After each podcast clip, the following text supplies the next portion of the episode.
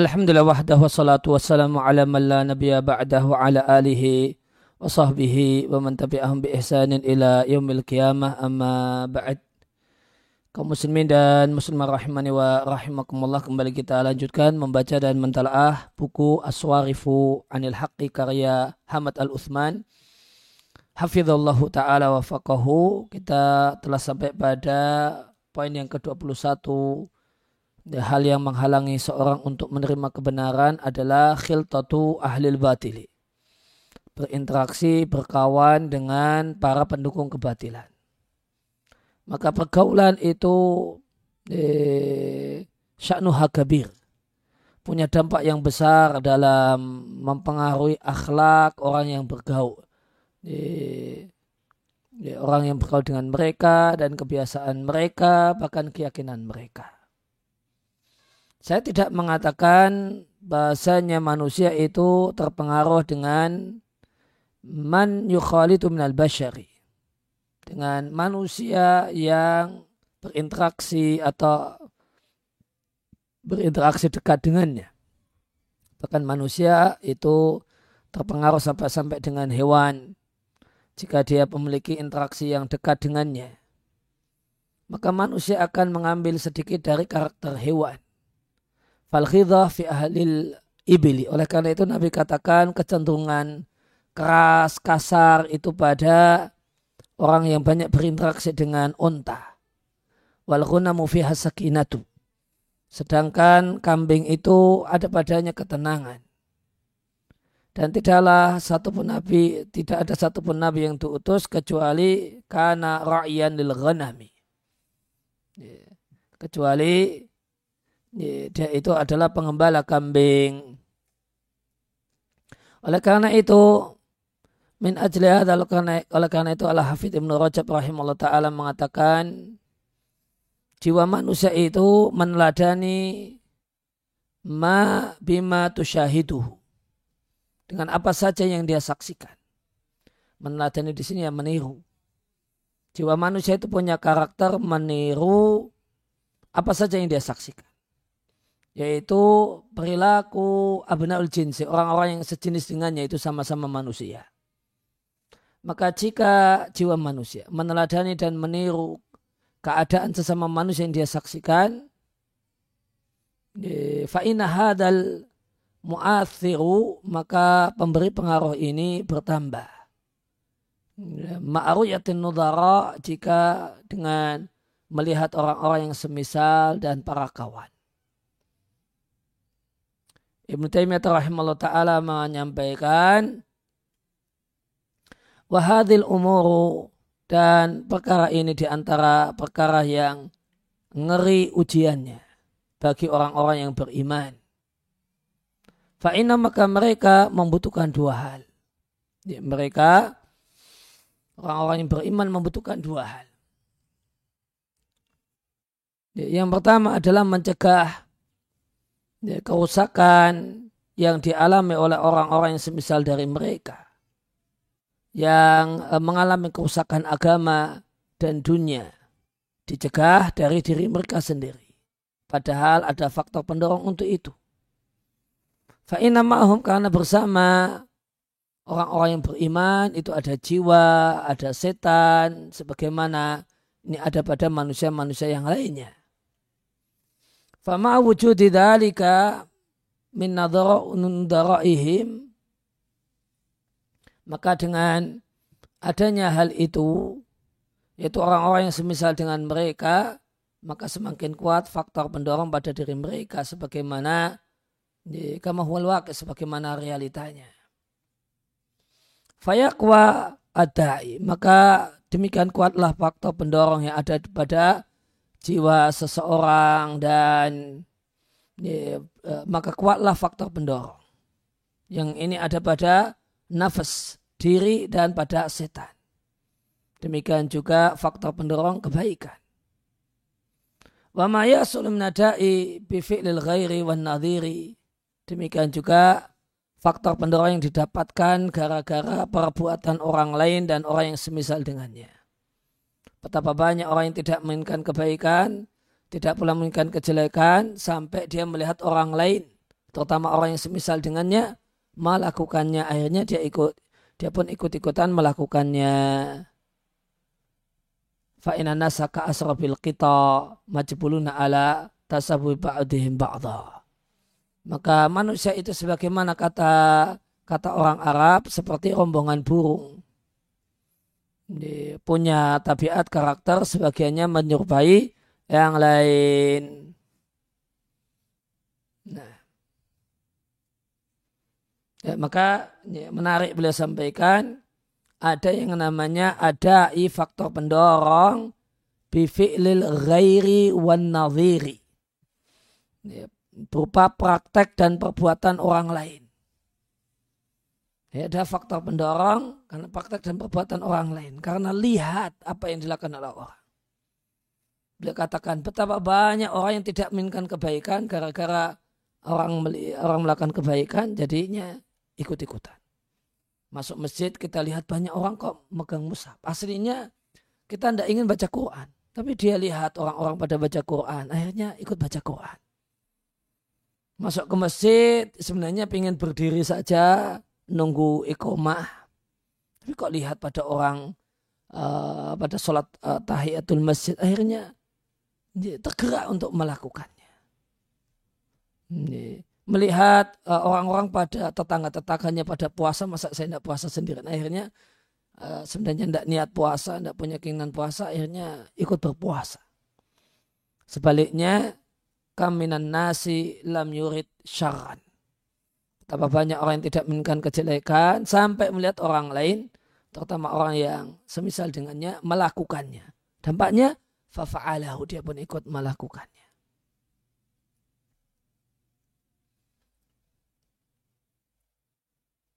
Nah, kemudian uh, ada catatan kaki untuk poin satu ya. Tentang para nabi itu menggembala kambing. Kata Ibn Taimiyah tadi kitabnya Al-Ikhna'iyah.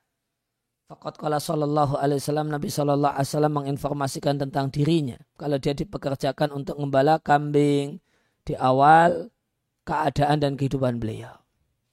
Fakala sallallahu alaihi wasallam ma min nabiyyin tidak ada seorang pun nabi kecuali dia ngembala kambing maka Allah Ta'ala menginformasikan kepada kita hal itu tentang Musa dan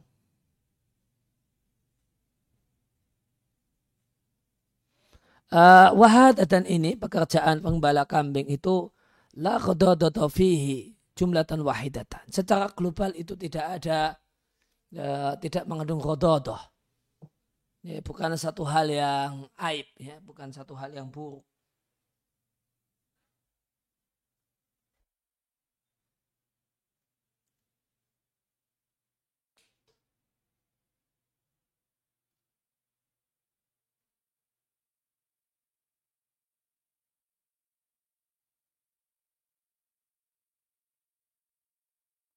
Uh, maknanya aib atau zillah. Bukan satu hal yang aib. Jumlatan wahidatan secara global. Liman dakahu ala wajihihi. Bagi orang yang menyebutkan bahasa pekerjaan para nabi dulu adalah mengembala kambing, uh, dia menyebutkannya ala wajihihi. Secara wajar. Jadi ngomongnya standar saja, intonasinya, konteksnya itu standar, boleh-boleh saja menyebut pekerjaan para nabi terdahulu sebelum mereka jadi nabi adalah gembala kambing. Ini tidak dinilai menghina. Namun ingat, bikhilafi man qasada bi al wa. Lain hanya dengan orang yang punya niat ketika mengatakan para nabi itu kerjaannya gembala kambing punya maksud untuk ghadadah, meng menghina atau merendahkan. Nah, maka kalimatnya sama. Nabi kita itu dulu sebelum jadi nabi kerja gembala kambing. Nah, ini kalimat ini bisa sama namun nilainya beda. Untuk orang tertentu itu biasa saja, untuk orang tertentu itu penghinaan kepada Nabi Shallallahu Alaihi Wasallam.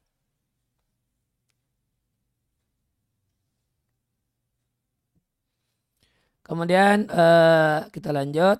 Wakadaka Ibnu Hajj, Ibnu Hajj menyebutkan pengaruh dari kedekatan kaum muslim dengan Nasrani di Mesir dengan mengatakan jiwa itu umumnya tamilu condong untuk pada sesuatu yang sering diulang-ulang.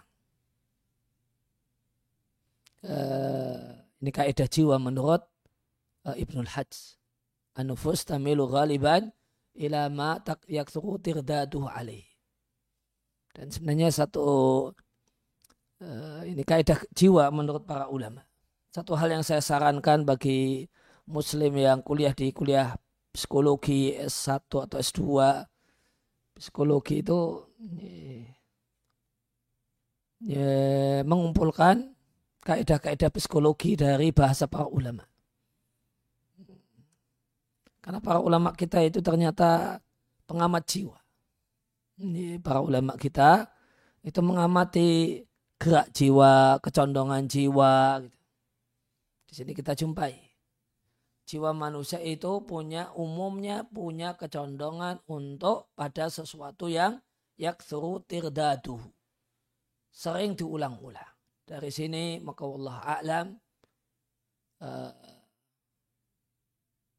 kasur at-takhlid banyak campur aduk pada sebagian orang di zaman ini karena mereka bertetangga dan punya hit, uh, hubungan interaksi yang dekat dengan Kipti Nasrani ditambah muslim yang melakukan interaksi ini sedikit ilmunya dan belajarnya. Akhirnya jiwa banyak kaum muslim ini merasa nyaman dengan kebiasaan orang-orang Nasrani yang mereka uh, berinteraksi dekat dengannya. Fana sya'am min dalikal fasadu. Maka muncullah dari hal itu kerusakan. Bahwa annahum yaitu mereka kaum muslimin, sebagian kaum muslimin menjadikan uh, tradisi kebiasaan orang Nasrani tadi yang jiwa mereka merasa nyaman dengannya mau di as-sunani seakan-akan sebagai satu hak seakan-akan sebagai satu sunnah Nabi.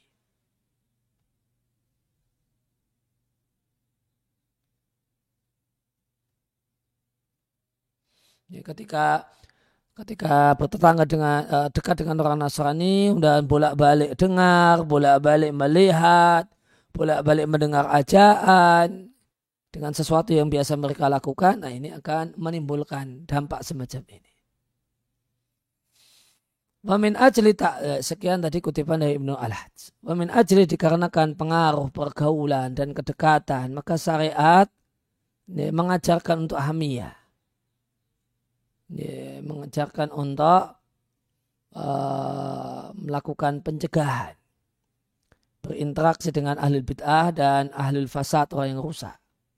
Allah Ta'ala berfirman dan sungguh di Allah turunkan pada kalian dalam kitab suci jika kalian mendengar ayat-ayat Allah dikufuri dan diejek dan di Allah Allah jangan duduk bersama mereka hatta yakhudu fi hadithin ghairi sampai mereka ngobrol di tema yang lainnya.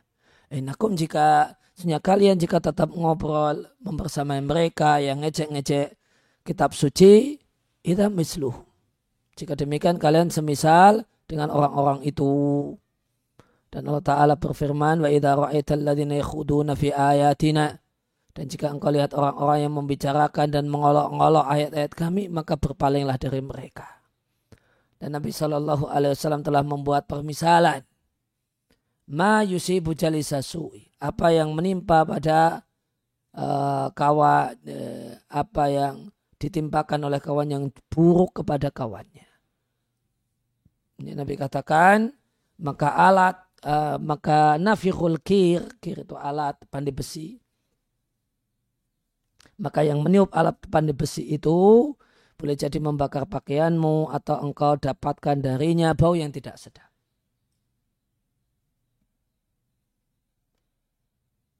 Maka seorang itu jika duduk bersama ahli bid'ah maka dia mencuri akhlak mereka. Karena tabiat manusia itu lusun pencuri. Nah, ini juga kaidah jiwa ini ya. Tabiat orang itu pencuri. Gak bisa digeser. Nah. Maka pergaulan erat dengan mereka itu akan membuahkan komit untuk ikut berkomitmen dengan kaidah-kaidah mereka dan cara-cara mereka dalam istilah dalam pendalilan dan dalam penjelasan hatta yasira sehingga jadilah setelah itu menjadi satu kesatuan, menjadi satu dengan mereka. Bandar Ibn Husain mengatakan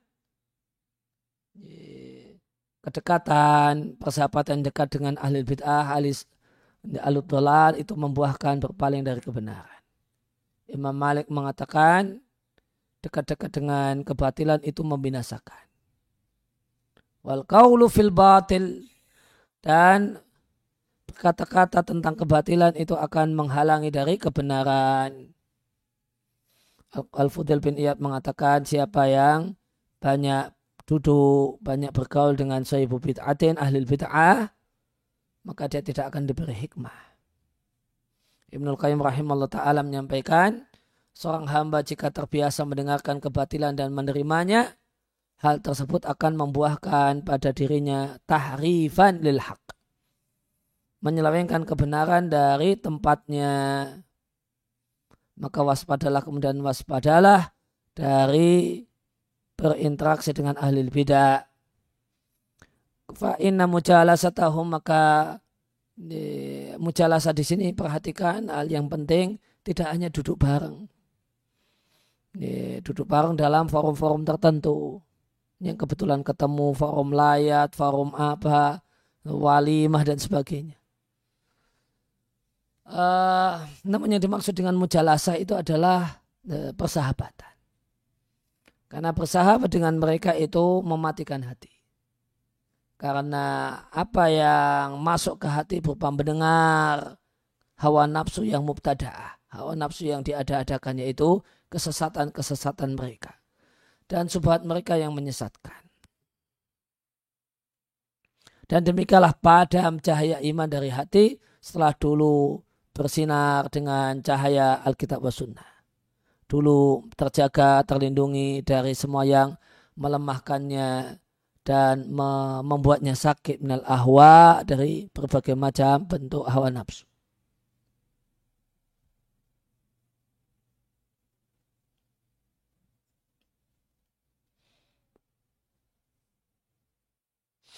Ya, kemudian Ibnu Qayyim rahimahullah taala mengatakan, Eh, kam jalabat ya, khultatul nasi min niqmah. Ya, betapa banyak ya, khiltah atau khultah bergaul dengan banyak orang, bersahabat, persahabatan dengan orang-orang tertentu itu mendatangkan bencana dan mencegah untuk mendapatkan nikmat.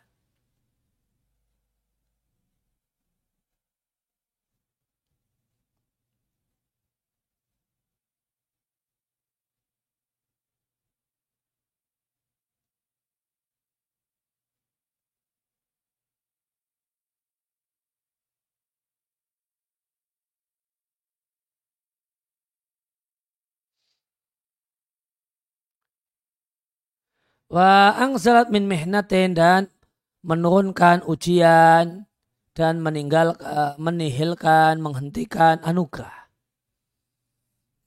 Dan uh, ahallat min ghaziyatin. Dan ada musibah besar yang menimpa dan menjatuhkan dalam bencana.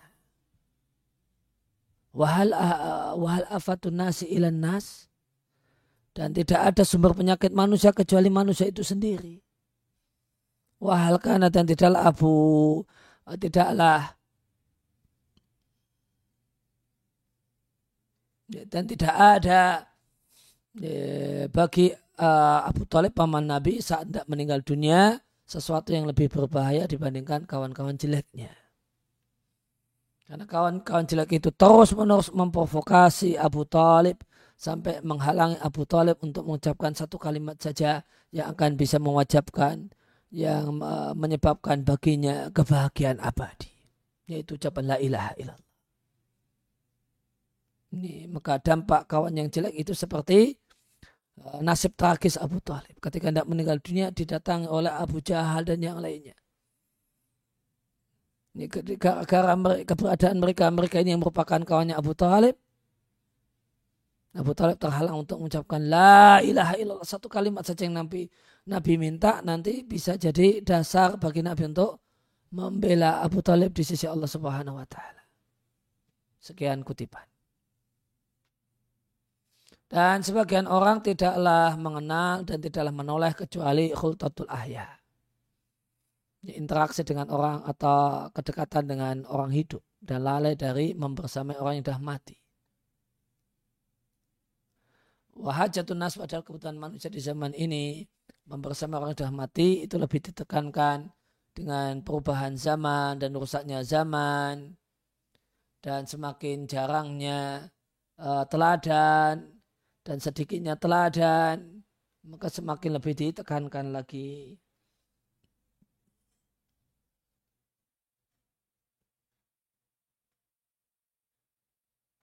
Ibnu Qayyim rahimahullah ta'ala mengatakan, dan siapa yang menginginkan perjalanan ini, maka wajib baginya membersamai orang-orang yang telah meninggal dunia, yang mereka ini fil alami ahya seakan-akan hidup di dunia ini.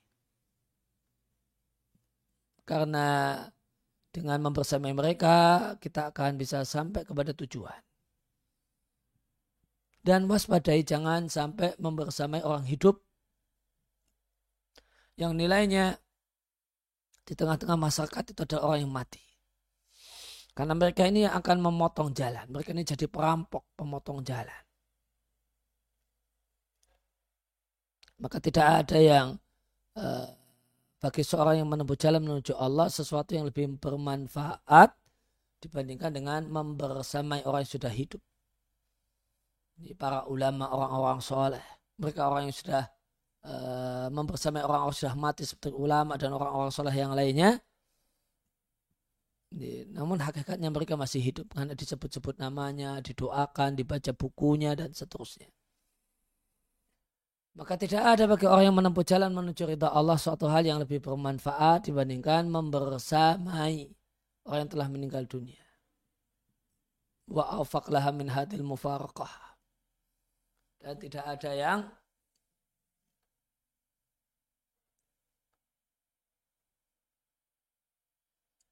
Ya, tidak ada yang lebih tepat dibandingkan dengan perpisahan ini yaitu berpisah dari orang-orang yang hidup yang hakikatnya mati.